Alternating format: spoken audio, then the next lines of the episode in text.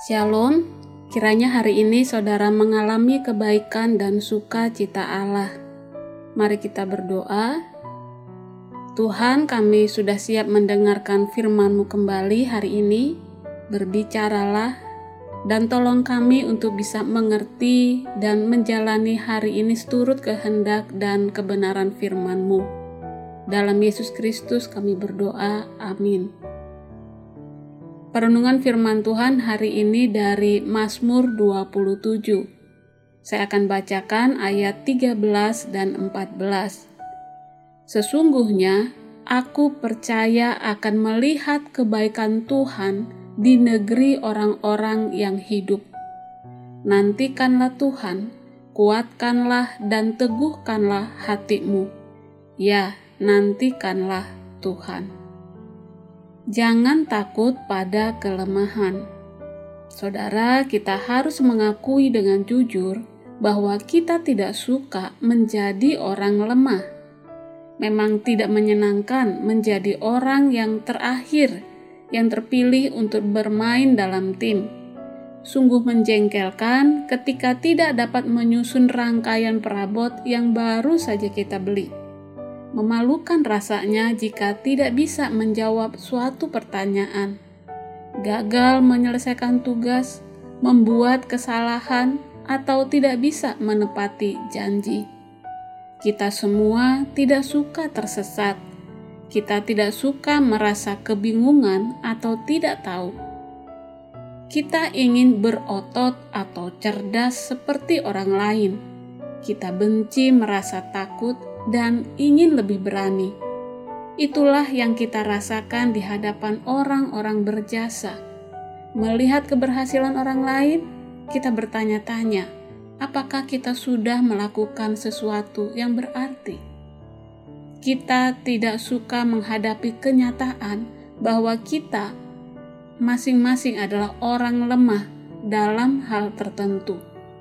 Itulah keadaan semua manusia.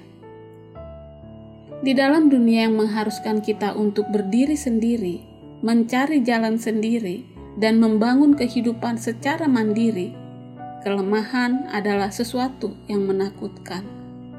Dalam dunia yang menuntut pemikiran, tenaga, kinerja, dan pencapaian, maka kelemahan adalah sesuatu yang harus disesali. Di dunia ini tidak ada tempat untuk datang mencari kekuatan hanya sedikit yang mau menerima kita saat kita tidak punya. Dalam keadaan seperti ini, maka kelemahan adalah sesuatu yang harus dihindari. Namun, ada yang perlu kita pahami, yaitu yang harus kita jauhi bukanlah kelemahan, melainkan rasa kuat yang menipu diri. Pikiran bahwa kita kuat berdiri sendiri itulah yang jauh lebih berbahaya. Sesungguhnya kita semua adalah orang lemah. Kita lemah dalam kebijaksanaan, kekuatan, dan kebenaran. Dosa membuat hati dan tangan kita goyah. Dalam banyak hal, kita dilumpuhkan oleh dosa. Namun, karena anugerah Allah, maka kelemahan tidak perlu lagi kita takuti Allah pemberi anugerah yang memanggil setiap kita datang kepadanya dan hidup bagi dia. Ia memberi kita kekuatan yang kita perlukan untuk memenuhi panggilannya tersebut. Cara memperoleh kekuatan itu ialah dengan mengakui betapa kecilnya kekuatan kita. Anugerah membebaskan kita dari kehancuran karena diri kita sendiri tak dapat diandalkan sebab anugerah menghubungkan kita kepada Dia yang layak dipercaya dan yang selalu memberi apa yang kita butuhkan. Saudara, jangan takut pada kelemahanmu. Ada Allah yang menyediakan segala kekuatan yang engkau perlukan. Namun, takutlah ketika engkau merasa kuat berdiri sendiri.